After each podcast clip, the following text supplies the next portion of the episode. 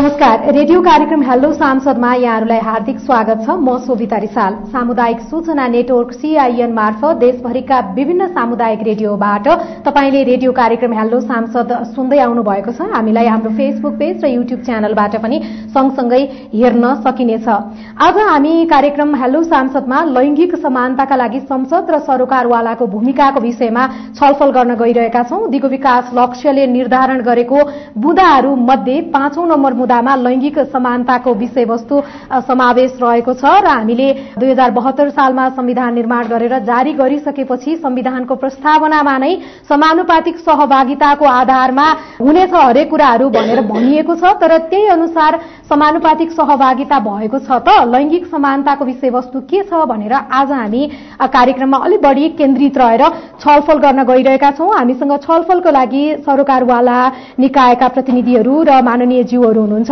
हामीसँग डाक्टर बिन्दु पोखरेल प्राध्यापक लैंगिक अध्ययन विभाग त्रिभुवन विश्वविद्यालयको हुनुहुन्छ। त्यस्तै गरिकन उमिसा पाण्डे हुनुहुन्छ उपाध्यक्ष निलिरा समाजको तर्फबाट। मुरारी खरेल कायम मुकायम सचिव राष्ट्रिय मानव अधिकार आयोगको तर्फबाट हुनुहुन्छ। नेकपा माओवादी केन्द्रका सांसद अञ्जना विसंख्य हुनुहुन्छ। नेपाली कांग्रेसका सांसद लक्ष्मी परियार हुनुहुन्छ। त्यस्तै गरी नेकपा एमालेको तर्फबाट सांसद बिन्दा पाण्डे हुनुहुन्छ भने राज्यका निर्देशक सिद्धान्त नीति र दायित्वको कार्यान्वयन अनुगमन तथा मूल्याङ्कन समितिका सभापति निरादेवी जैरू हुनुहुन्छ। अरू माननीय जीवहरू पनि जोडिने क्रम रहेको छ। पढ़ाइरहनु भएको र लामो समयदेखि थाहा यसमा भइरहेको हिसाबले पनि म डाक्टर बिन्दु पोखरेलबाट नै कुराकानीको शुरूआत गरौं कि जस्तो लाग्छ। यहाँले हामीसँग संविधान पनि छ कानून पनि छ केही हदसम्म होइन? यहाँहरूले पढाइ पनि रहनु भएको छ विद्यार्थीहरू उत्पादन पनि भइरहेछन्। अलिकति समाज मुभमेन्टको हिसाबले लैङ्गिक मैत्री भयो कि भनेर भन्न सक्ने स्थिति पनि छ तर पनि भएन भनेर हामीले यसरी छलफल गरिराख्नुपर्ने अवस्था पनि छ। रकमको हिसाबले रकम समयको हिसाबले समय र धेरै कुराहरूको खर्च भइसकेको छ। त्यो खर्च भए अनुसारले हामी लैङ्गिक समानताको हिसाबमा कहाँनिर छौँ होला? यहीँबाटै सुरु गरौँ। हजुर धन्यवाद। लैङ्गिक समानतामा हामी कहाँनिर छौँ भन्दाखेरि अफकोर्स हामी धेरै अगाडि पनि छौँ। धेरै देशहरूभन्दा हामी अगाडि छौँ होइन? अरू देशहरूको स्थितिभन्दा हामी धेरै अगाडि पनि छौँ। तर पनि हामीले चित्त बुझाएर बस्ने अवस्था छैन। किन भन्दाखेरि अहिले हामीले हेर्दाखेरि हामी के लैङ्गिक समानता भने के त भन्दाखेरि एज अ मानव होइन जबसम्म महिलालाई मानवको रूपमा हेरिँदैन र पुरुष र महिला दुवै मानव हुन् भन्ने रूपबाट हेरिँदैन तबसम्म यो हट्दैन होइन। अब अहिले त लैङ्गिकताको विषय महिला र पुरुष मात्रै नभएर अरू समुदायको तर्फबाट पनि हुनुहुन्छ। हरेक व्यक्तिहरू र हामी लैङ्गिकताको कुरा गर्दाखेरि भन्दाखेरि लिङ्ग र लैङ्गिकतालाई छुट्याएर हेर्छौँ। लिङ्ग भनेको बायोलोजिकल भन्छौँ लैङ्गिकता भनेको सोसियल कन्स्ट्रक्सन भन्छौँ होइन? त्यो चाहिँ लैङ्गिकता भनेको सबभन्दा पहिले म हो। मैले आफूलाई कसरी चिन्छु त? मैले मलाई कसरी लिन्छु भन्ने कुरा हो भने त्यसपछि अनि मलाई परिवारले समाजले अरूले कसरी चिन्छ भन्ने कुरा आउँछ। त्यसले गर्दाखेरि मेरो लैङ्गिकता भनेको मेरो आफ्नो हुनुपर्छ भन्ने हो कि? त्यसैले जुन अहिले कुराहरू अरू अरू उहाँहरूले उठाइरहनु भएको छ त्यो कुरा एकदम जायज हो कि? मैले मैले आफूलाई कसरी पहिचान गराउन चाहन्छु त? त्यसमा व्यक्तिगत स्वतन्त्रता हुनुपर्छ कि? त्यो चाहिँ कस्तो देख्नुहुन्छ यहाँले। समाजमा चाहिँ कस्तो देख्नु भएको छ? लैङ्गिकताको विषय समानताको कुरा। समानताको कुरामा छैन। अब जस्तो हाम्रो देशमा के छ भन्नुहुन्छ भन्दाखेरि जुन कल्चरल हेजेमोनिक बिलिभ्सहरू भन्छौँ नि हामी पुरातनवादी सोच नभनौँ तर मोडर्न भयो भन्छौँ होइन। तर हामी हाम्रो सोचाइहरूमा चाहिँ हामी अझै पनि आधुनिकपन ल्याउन सकिरहेका छैनौँ। अझै पनि हामी महिलालाई हेर्ने दृष्टिकोण र पुरुषलाई हेर्ने दृष्टिकोणमा फरक ल्याउन सकिरहेको छैनौँ होइन? हामी महिलाहरू के छ भन्दाखेरि महिला मात्रै हुँदैन। अब भनौँ उहाँहरू सांसद हुनुहुन्छ नि।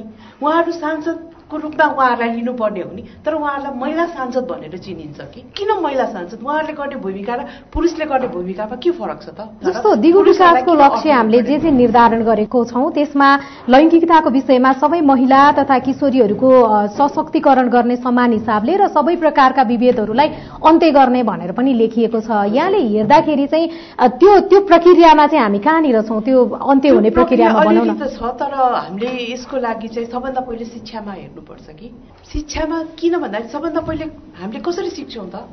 हामीले हेर्ने दृष्टिकोण हाम्रो कहाँबाट आउँछ त भन्दाखेरि घर परिवारबाट आउँछ स्कुलबाट आउँछ मिडियाबाट आउँछ। त्यस कारणले हाम्रो स्कुलमा के सिकाइन्छ के सिक्छौँ त्यो कुराहरू सबैमा परिवर्तन ल्याउनु जरुरी छ कि? हस् यहाँलाई धन्यवाद। म तपाईँसँग फेरि आउनेछु। एउटा विश्वविद्यालयको तहबाट अथवा प्राध्यापक ज्यूको कुरा सुनिसकेपछि म निलहिरा समाजतर्फ जान चाहन्छु कि उमिसा पाण्डे हुनुहुन्छ उपाध्यक्ष। फरक समुदायको तर्फबाट यहाँले जुन किसिमले सङ्घर्ष गरिरहनु परेको छ विशेष गरिकन चाहिँ महिला र पुरुषको मात्रै सवाल हो यो लैङ्गिकताको सवाल भनेको भनेर अझै पनि त्यस्तो तरिकाले बुझिएको छ र यो यहाँहरूको समुदायको विषयवस्तु पनि हो भनेर बुझ्ने बुझाउने क्रम चाहिँ अझै अप्ठ्यारो परिरहेको छ। माननीय जीवहरू यहीँ हुनुभएको अवस्थामा यहाँको अनुभव सहितको कुरा चाहिँ के हुन्छ? जसरी अहिले उहाँले कुरा गर्नुभयो महिला र पुरुषलाई सम्बोधित मात्रै गर्नुभयो तर हामी कहाँ जाने त? अनि हाम्रा वर्गका व्यक्तिले पढ्न नपाउने अनि हाम्रा वर्गका व्यक्ति कहाँ बस्ने?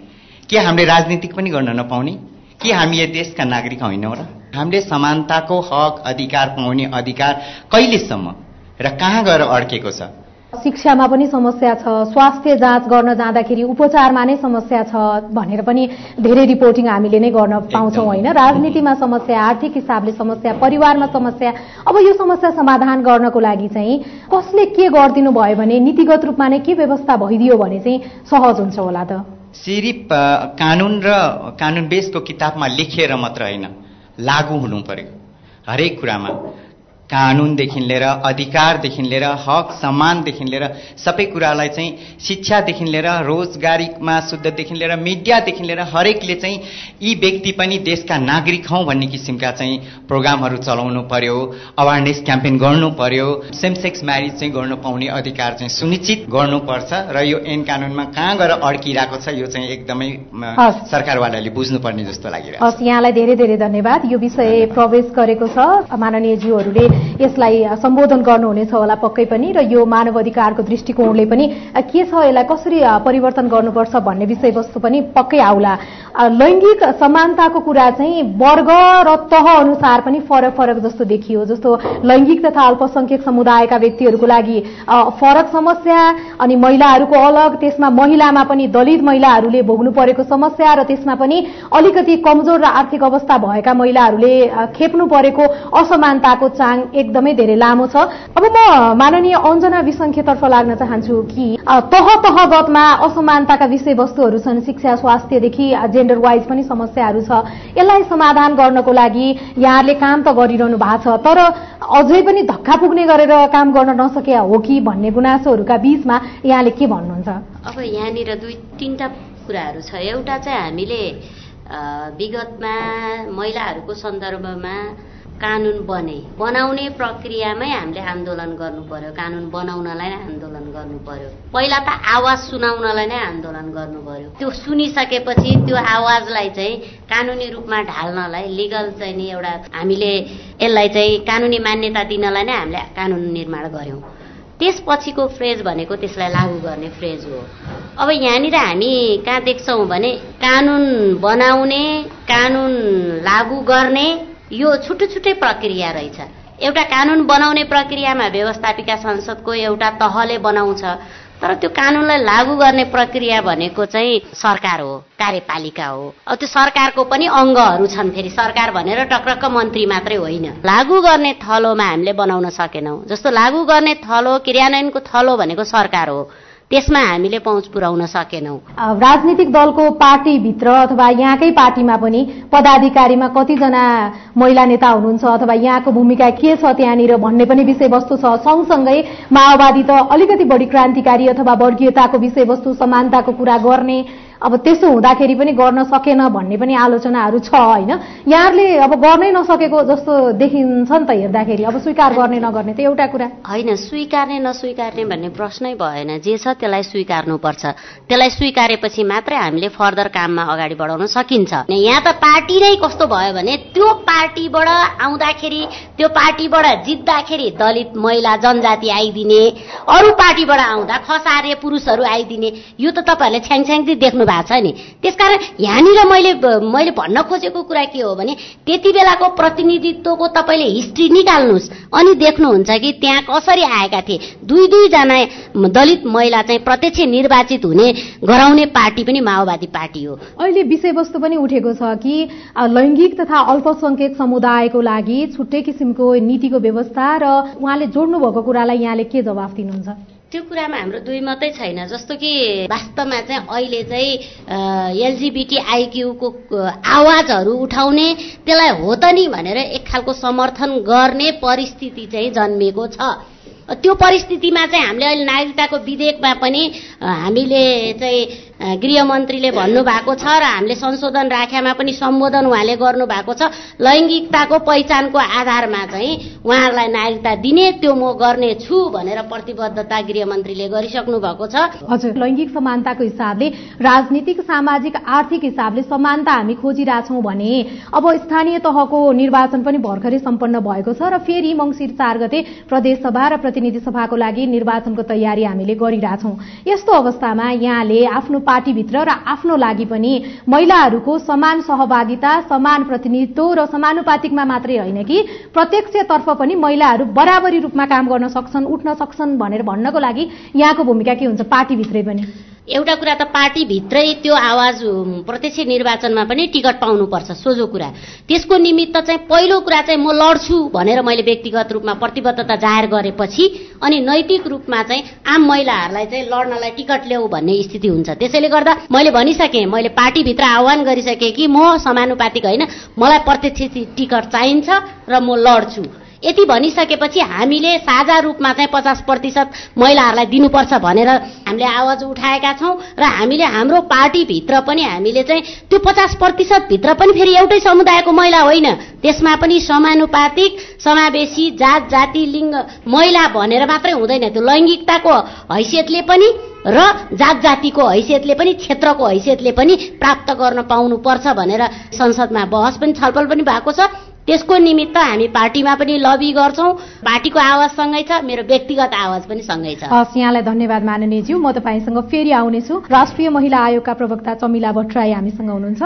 उहाँलाई पनि हार्दिक स्वागत गर्न चाहन्छु। तपाईँलाई नै जोड्न चाहन्छु कि केही केही कुराहरू उठेको छ? माननीयज्यूले पनि कुरा गर्नुभएको छ र सरोकारवाला व्यक्तिहरूले पनि अलिकति आफ्नो धारणा राखिसक्नु भएको छ। राष्ट्रिय महिला आयोगले विभिन्न टोल फ्री नम्बरबाट महिला हिंसा र लैङ्गिक हिंसाका विषयवस्तुहरूलाई लिने र त्यसको त्यसको गुनासो सम्बोधन गर्ने सम्बन्धित निकायसम्म पुग्ने र त्यसलाई समाधान गर्ने कोसिस पनि गरिरहेको छ होइन? समानताको कुरालाई चाहिँ यहाँहरूले कसरी जोड दिएर लैजानु भएको छ? त्योबाट नै कुराकानी सुरु गरौँ होला। कस्तो भने धेरै हिंसा पीडित महिलाहरू आउने। र हिंसा पीडित महिलाहरू पनि कस्तो भन्नुहुन्छ भने दुई नम्बर क्षेत्रबाट बढी जसो चाहिँ दाइजो नल्याएको न्युमा चाहिँ घर परिवारबाट निकाला गर्ने। एकचोटि दाइजो दियो फेरि अर्कोचोटि फेरि ल्याऊ भन्ने फेरि ल्याऊ भन्ने ल्याएन भने उसको ज्यानै लिने त्यस्तो खालको दुई नम्बर।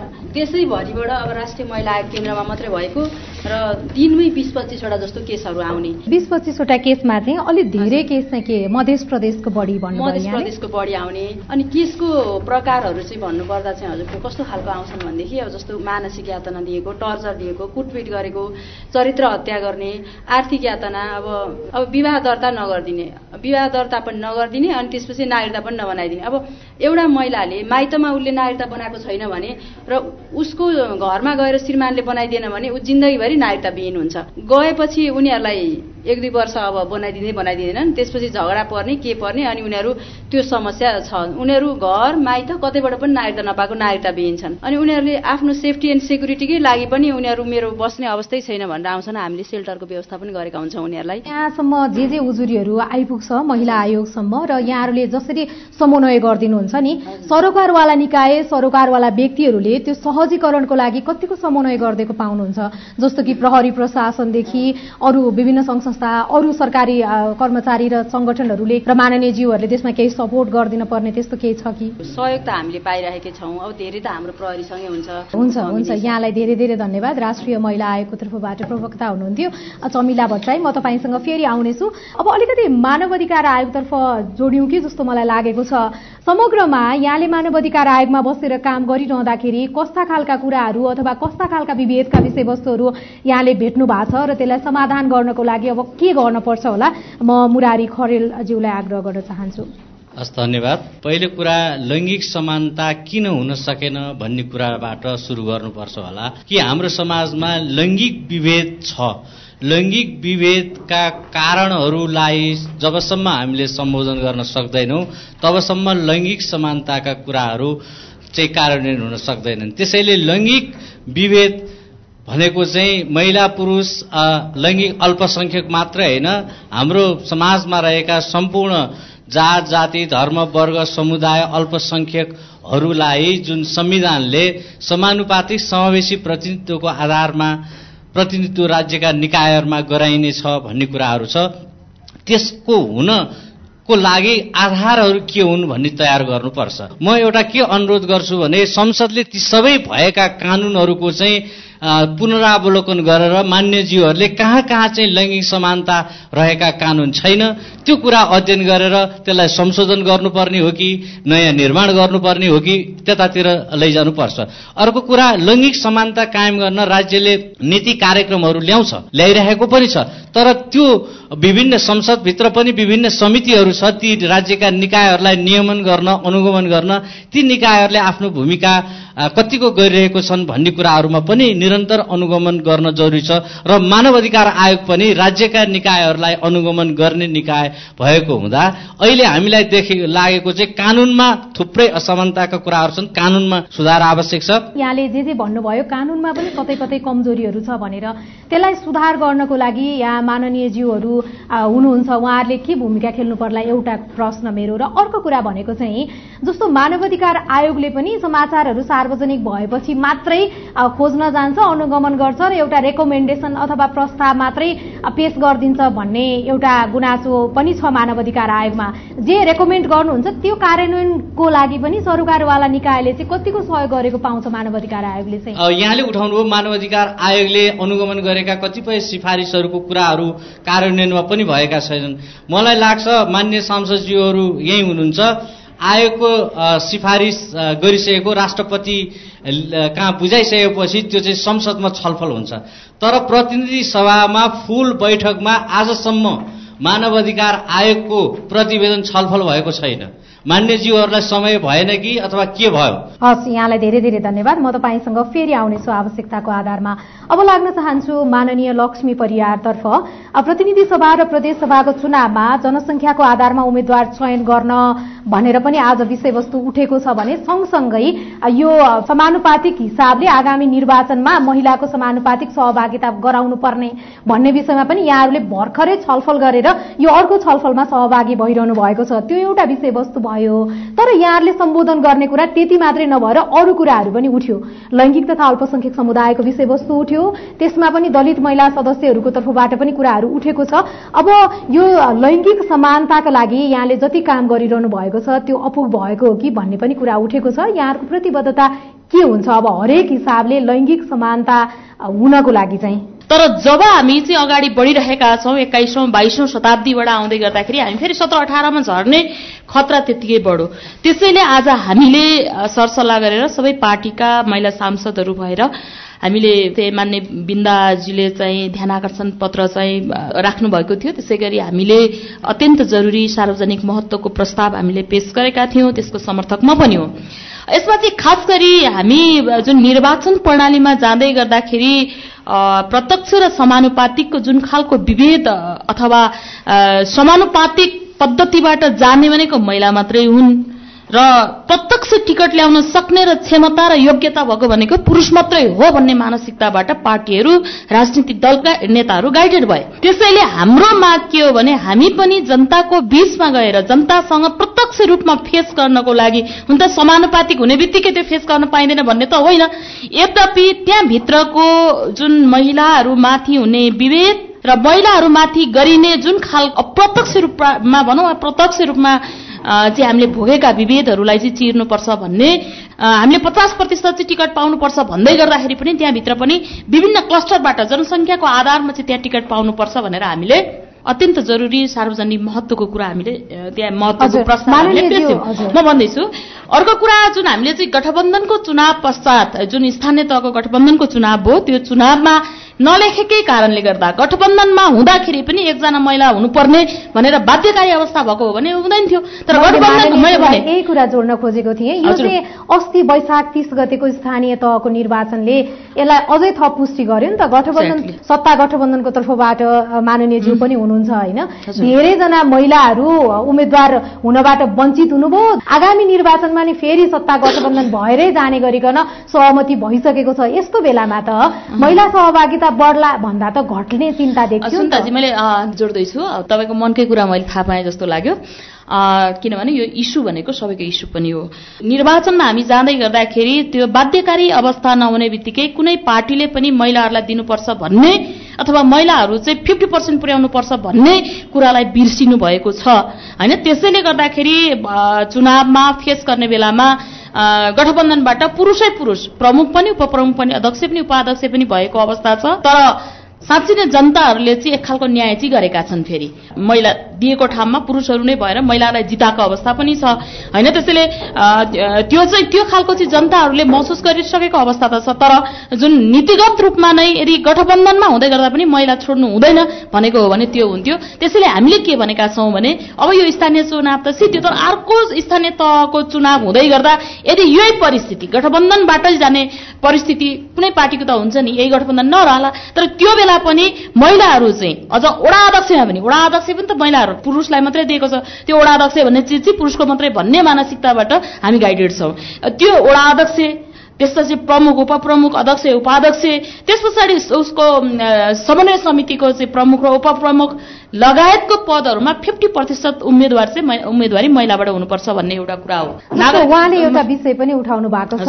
विवाहको स्टाटसको विषयमा पनि कानूनबाट नै सम्बोधन भयो भने सजिलो हुन्थ्यो भन्ने कुरा। त्यसको लागि यहाँ माननीय भएको कारणले गर्दा संसदमा आवाज उठाइदिने वा केही पहल कदमी गरिदिने केही प्रतिबद्धता वा केही सोच व्यक्त गर्न चाहनुहुन्छ? यसमा त हेर्नु हामी बारम्बार छलफलमा छौँ। हामी जहिले पनि बाहिर नआएको आवाजका कुरा किनभने म एउटा समुदायबाट प्रतिनिधित्व गर्छु। लैङ्गिक हिसाबले हेर्ने हो भने म महिलाबाट प्रतिनिधित्व गर्छु। त्यसै गरी उहाँहरूको समुदाय जो चाहिँ त्यो पहुँचबाट बाहिर छ भनेपछि हामीले नबोले कसले बोलिदिने? हामीले बारम्बार भनेको भनेको कानुनमा नलेखिकन नीति नबनाइकन होइन नियम नबनाइकन कतिपय कुराहरू व्यावहारिक रूपमा ती कुराहरू गइरहेको अवस्था देखिँदैन। नीतिगत रूपमा नै हामी चाहिँ क्लियर भएर जानुपर्छ। अब प्रदेश र प्रतिनिधि सभाको लागि मिति तय भएको छ। यहाँले यो ध्यानकर्षण पत्रमा हो होस् अथवा जरुरी सार्वजनिक महत्वको प्रस्तावमाथि पनि विचार राख्नु भएको छ।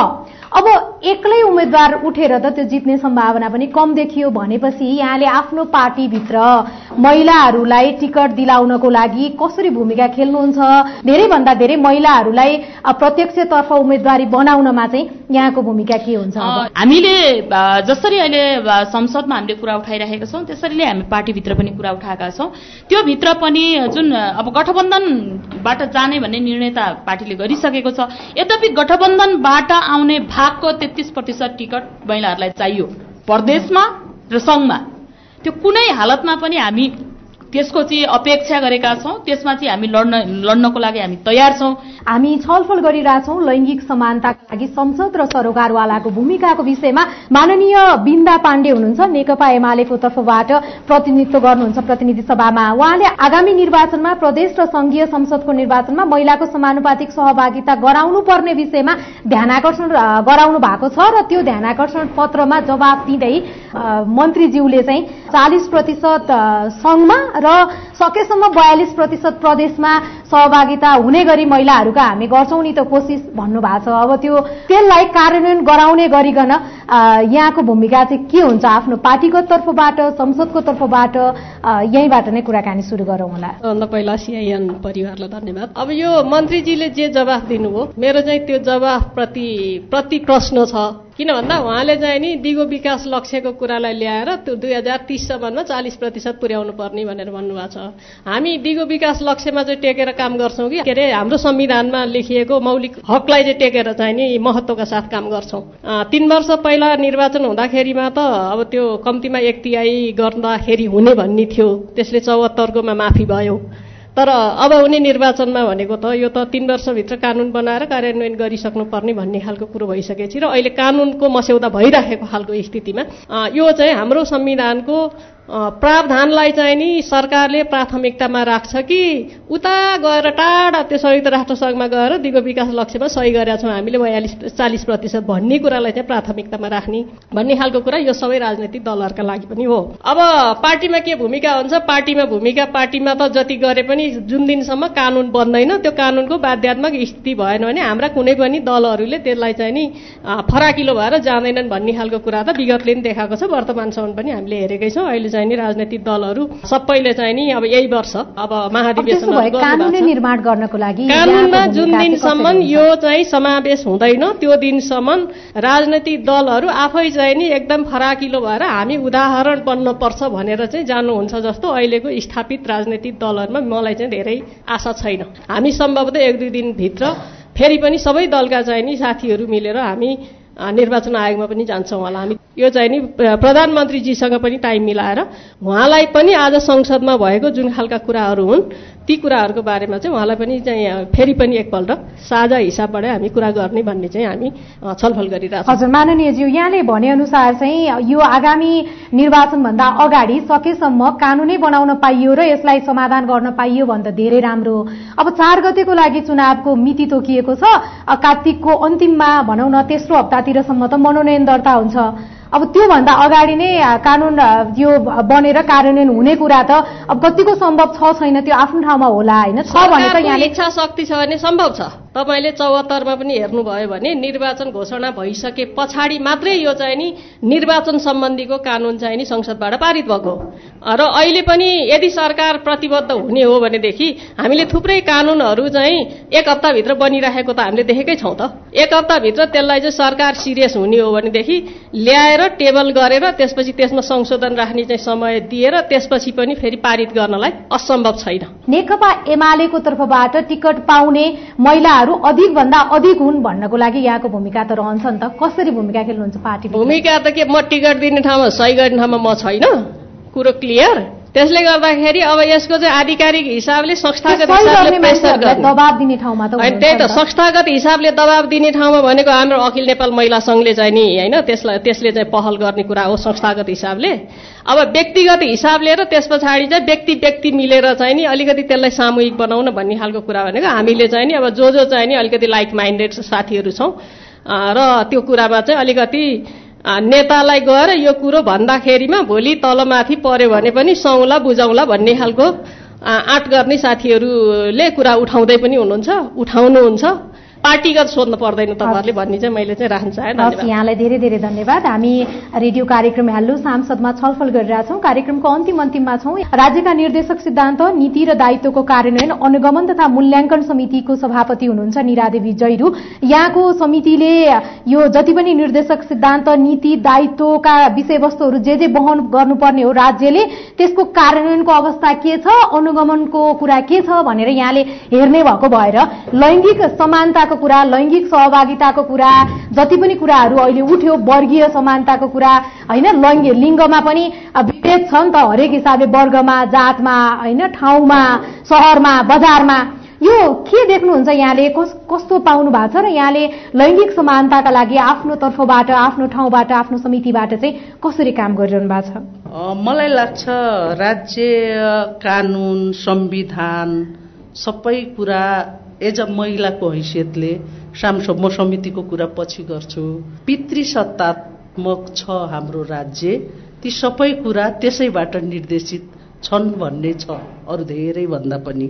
राजनीतिक दलको सबैभन्दा पहिला त विधानहरू अध्ययन गर्नुपर्ने आवश्यकता यो फेरि पनि चुनाव पनि जोडिएको कुरा होइन? अनि यहाँ बन्दै गर्नुभएको पार्टी जस्तो कि अलिकति कतिवटा कुराहरू विभेद भयो भने जस्तो भएन। एमाले भित्र विभिन्न समस्याहरू भयो। पार्टीलाई त राम्रो बनाउनु पर्छ भनेर निस्केर आएर गठन भएको पार्टीभित्र पनि देखियो नि त महिलाहरूको सहभागिता कहाँनिर छ वा मन्त्री बनाएर पठाउनु भएको व्यक्तिलाई नि फिर्ता गर्नेदेखि विभिन्न कुराहरू छ। यहाँले पनि आफ्नो पार्टीभित्र स्ट्रङली अथवा त्यो किसिमले दबाब दिन नसक्नु भएको हो कि भन्ने त होइन छैन। म त त्यो पछिल्लो चोटि एकीकृत समाजवादीमा समावेशिता महिला भएन भनेर हस्ताक्षर गर्ने मध्येको पर्छु। दलित जनजाति अल्पसंख्यक र पछाडि पारेका समुदायको विषय हेर्नुहुन्छ भने नेकपाको दुई तिहाईको सरकार होइन। सात छवटा प्रदेशमा प्रमुख चलाएको होइन। खै त सभामुख उपसभामुखमा दलित आउन सक्नु भएन। होइन? लेख्ने भन्ने विषयले कानुन बनेर अगाडि जाने भन्ने विषयले त्यति फरक पार्दो रहेछ र तपाईँले पछिल्लोचोटि भन्न खोज्नु भएको कुरा अब चुनावमा कसरी जान्छ भनेर अनेमा सङ्घसँग कोर्डिनेसन गर्ने पार्टीका पदाधिकारी रहेका महिला कमरेडहरूसँग छलफल गर्ने र स्वाभाविक रूपले अब यो या त्यसो त्यो किन पनि गर्नुहुन्छ भने अघि पनि हामीले भन्यौँ नि सिस्टमैमा पार्टीको स्थानीय तह या हामीले पार्टीको स्थानीय निकायलाई हेर्ने या सरकारलाई हेर्ने प्रमुख भनेर महिला तोकेको भए स्वाभाविक रूपले त्यो भित्र निर्माण व्यवसाय पर्छ होला सहरी विकास पर्छ होला उद्योग वाणिज्य पर्छ होला त्यसमा त पुरुषलाई त्यो विभागको जिम्मा नै शासकीय सत्ता सञ्चालन गर्ने विभागको जिम्मा नै पुरुष कमरेडहरूलाई दिने चलन ल्याइएको छ। जुनसुकै पार्टीको हामीले आजका दिनसम्म अर्थमन्त्री भनेको पुरुषले जानुपर्छ भन्ने बनाइराखेका छौँ। त्यही किसिमले प्रदेश र स्थानीय तहसम्म चलेका कारणले गर्दा यी सुधार गर्न फेरि पनि यहाँले सुझाव का निम्ति हामीलाई उपस्थित गराउनु भएको छ। अब दलसँग त हिजो पनि आज पनि भोलि पनि होइन यो लामो यात्रा हो किनभने भन्न बित्तिकै भइहाल्छ हुँदैन र पनि हामी प्रतिबद्ध कहाँनिर रहन्छौँ भने यावत विषयहरूलाई चिर्दै छलफल गर्दै सकेका मुद्दा स्थापित गर्न लाउनेछौँ। धन्यवाद। हस् यहाँलाई धेरै धेरै धन्यवाद। छलफलमा सहभागी भइदिनु भएकोमा माननीय ज्यूहरू र अन्य सहभागी सम्पूर्णलाई फेरि पनि धन्यवाद दिन चाहन्छु। आजको छलफलले केही महत्त्वपूर्ण विषयवस्तुहरू उठान गरेको छ र यो काहीँ न काहीँ नीति नियम निर्माणको तहमा र अरू सार्वजनिक फोरमहरूका लागि पनि विषयवस्तु बन्यो होला भनेर पनि मैले अपेक्षा राखेको छु। यहाँहरूलाई यो महत्त्वपूर्ण समय र संवादको लागि फेरि पनि धेरै धेरै धन्यवाद दिन चाहन्छु। सामुदायिक सूचना नेटवर्क सिआइएन मार्फत देशभरि प्रसारण भइरहेको रेडियो कार्यक्रम हेलो सांसदबाट आजको लागि भने हामी सबैजना बिदा हुन्छौँ।